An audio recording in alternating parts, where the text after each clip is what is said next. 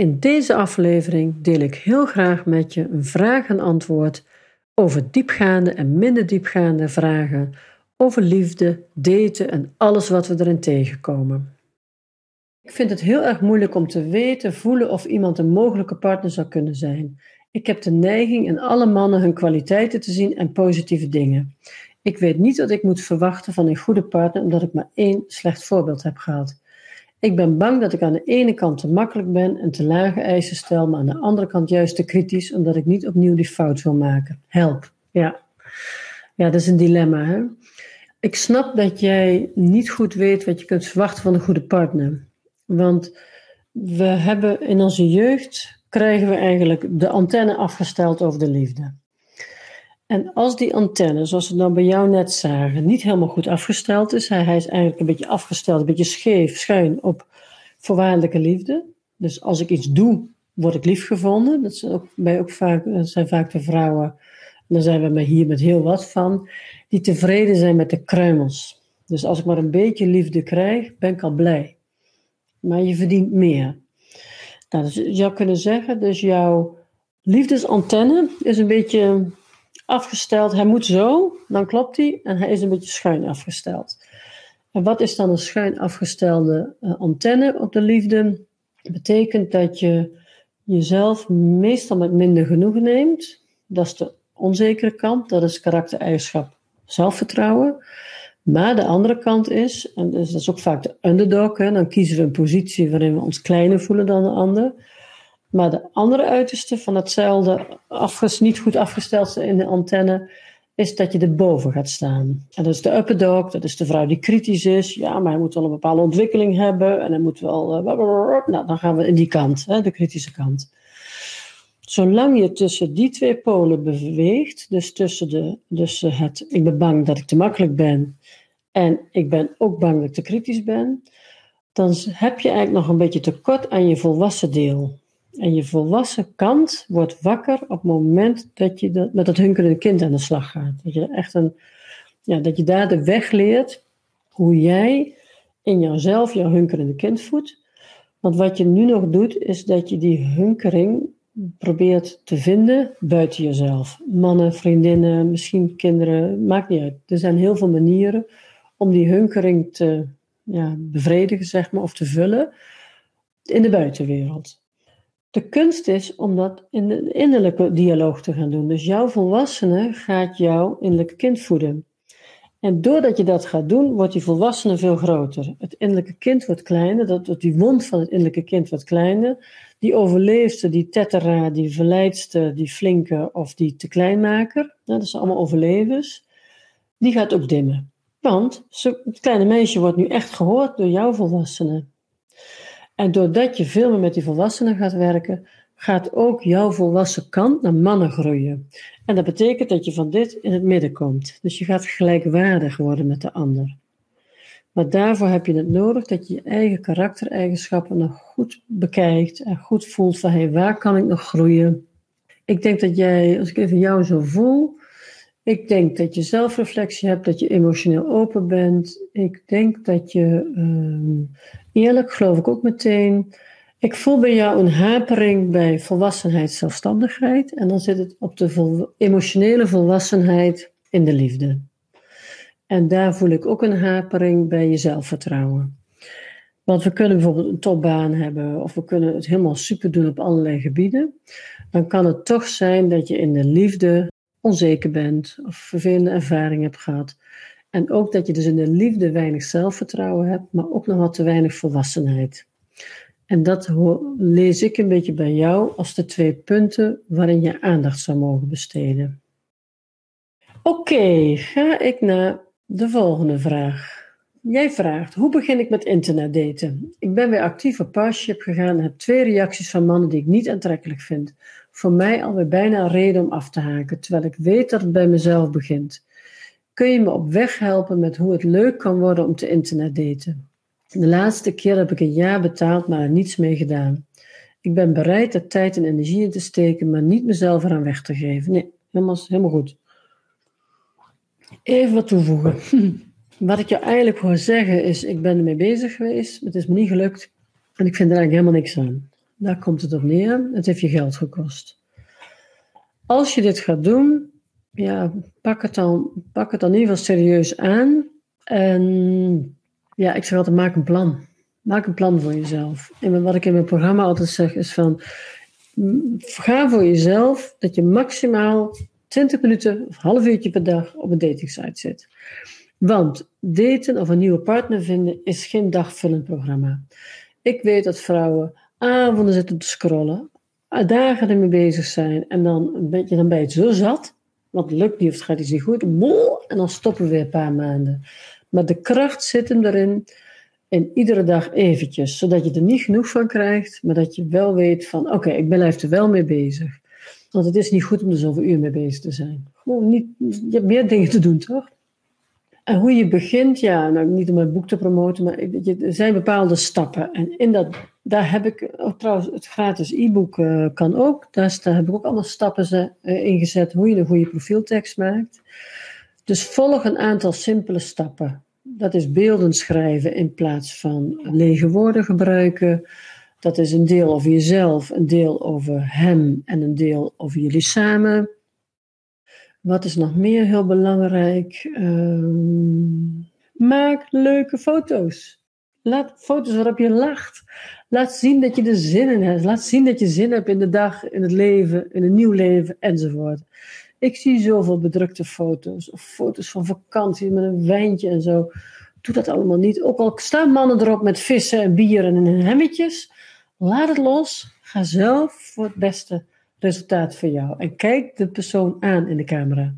Dat je, vraag iemand, vraag een vriendin, vraag kinderen, zoek een fotograaf. Maak leuke foto's van jezelf. Dat is echt heel belangrijk.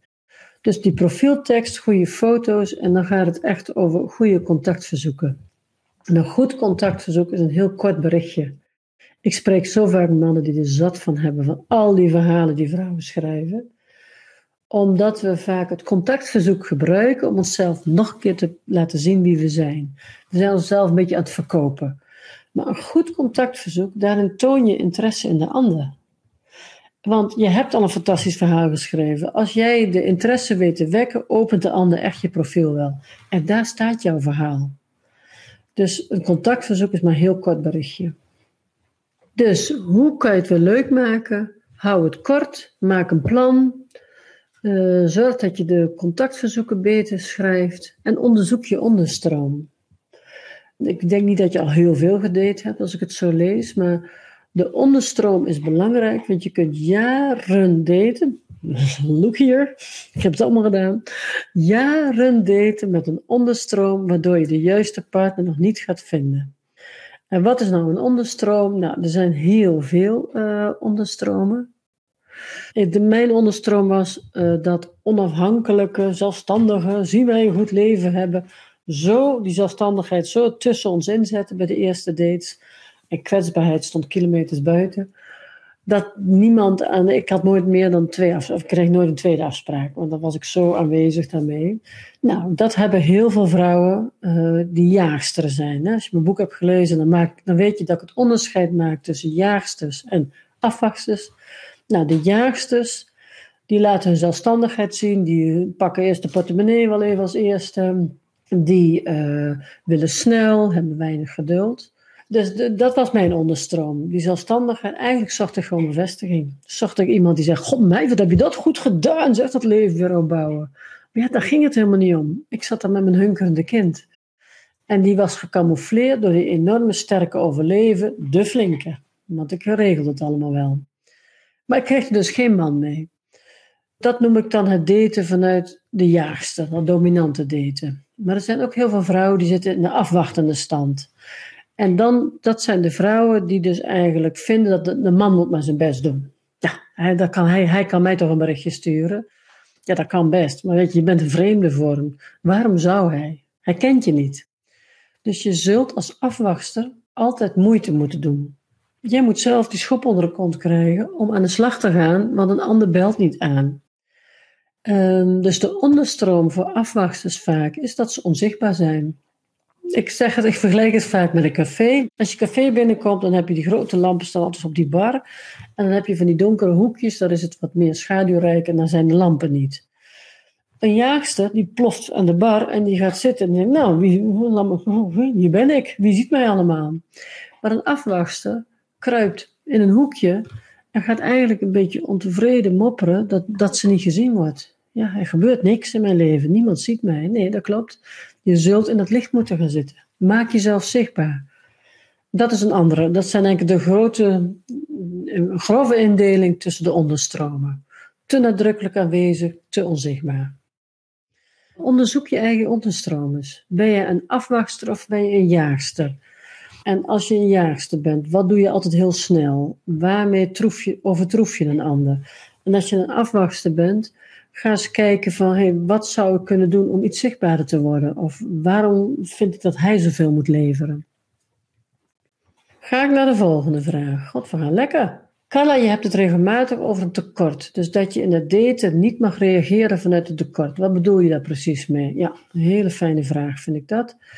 Wat ik daar precies mee bedoel, is dat we van de ander iets verwachten, hopen te vinden wat we in ons eigen leven nog niet creëren. En dat kan van alles zijn. Ik zie dus vrouwen heel vaak zeggen: Ja, maar ik wil een man met humor. Dan denk ik: Humor, oké. En dan lees ik dus de tekst. een beetje lullig klinkt dat misschien, maar dan lees ik die tekst van die mevrouw. En dat is toch gorddroge tekst. Echt, kraak nog smaak. En dan zeg ik altijd, ja, als jij een man met humor wil, moet je een beetje leuker gaan schrijven. Maken ze grapje, maken ze kwinkslag.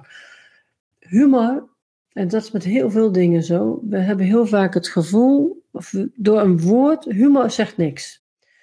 Dat is een leeg woord. Ja, wat is humor? Humor is chemie tussen twee mensen. Het is niet zo dat jij wel humor hebt en ik niet.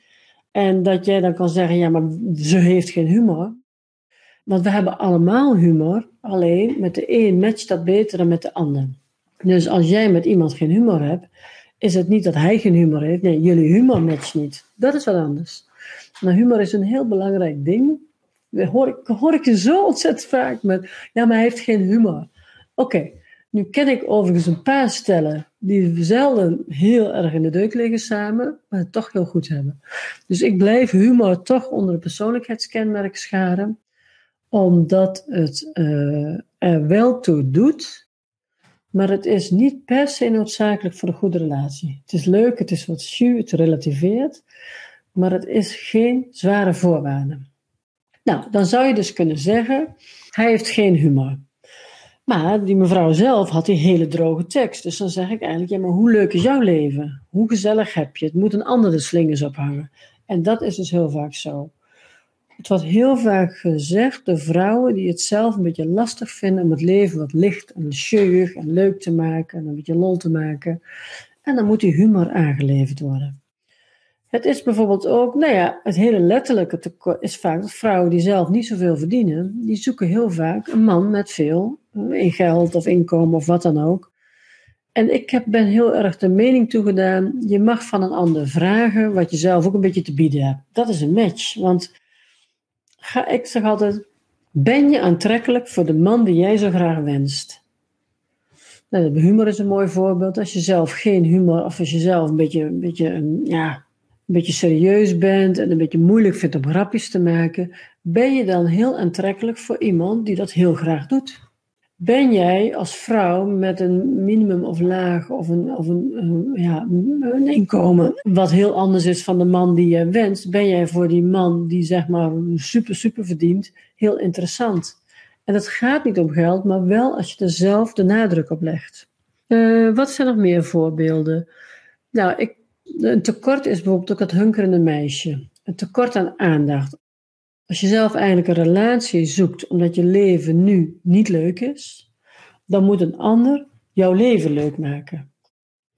En ik weet niet, we hebben natuurlijk allemaal heel veel ervaringen, maar ik weet niet of je wel eens iemand tegenover je hebt gehad die zegt: Ach ja, alleen is ook maar alleen. Nou, wat voor gevoel geeft dat? Dan voel je dus: Oké, ik weet niet of dit om mij als vrouw gaat of mij als persoon. Maar volgens mij moet er gewoon iemand komen in zijn leven om het leuk te maken. Dat is niet aantrekkelijk. Met een tekort daten is niet aantrekkelijk voor degene die je tegenover je hebt. Nou, dat is bijvoorbeeld dat blij zijn met je eigen leven, het tevreden zijn met je eigen leven, uh, een beetje eens gezellig hebben met jezelf. Dus dat je een, een, Er wordt altijd gezegd 1 plus 1 is 3.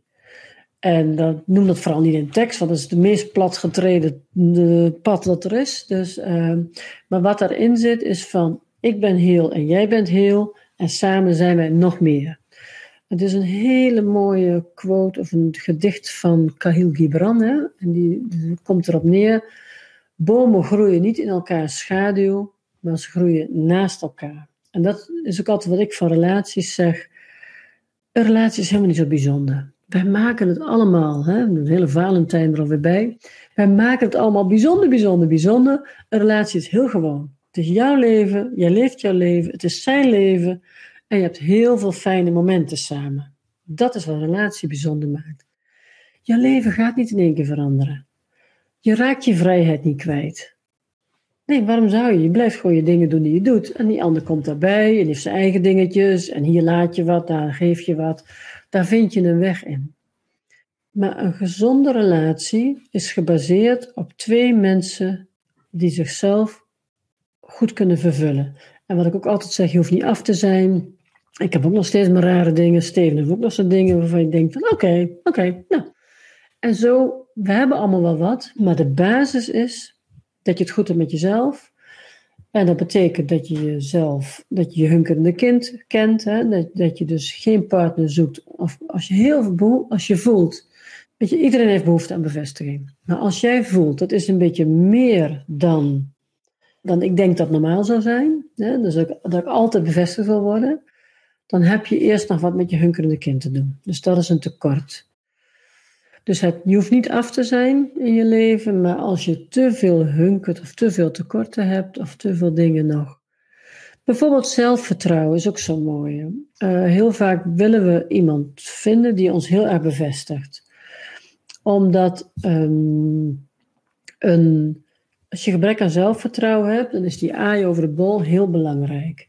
Maar als dat zo vaak moet gebeuren, dan gaan we zeggen: ja, maar hij ziet ons niet of hij. Uh, dan gaan we de ander de schuld geven en onszelf geven. En heel vaak projecteren dan eigenlijk ons eigen tekort op de ander. En dat is wat je wilt voorkomen, want dat geeft allemaal drama's in relaties. En ik moet wel zeggen, ik zie heel veel hunkerende jongetjes en meisjes op datingsites. Ik denk dat een datingsite dat bij uitstek de plek voor is. En zolang we ons niet bewust zijn dat we iets ouds aan het herstellen zijn met, nieuwe, met een nieuwe partner, blijft dat zo. Dus vandaar dat ik zo mijn missie heb om naar volwassen relaties, want daar worden we gelukkig van. Die balans hebben we nodig. Vond je deze podcast inspirerend en wil je heel graag meer weten hoe jij jouw liefde kunt vinden? Kijk op mijn website www.laatsteliefde.nl en ik help jou heel erg graag verder. Heb je een vraag die je graag beantwoord wil hebben in deze podcast? Stuur me een mailtje info@laatsteliefde.nl. De liefde bestaat wel, ook voor jou.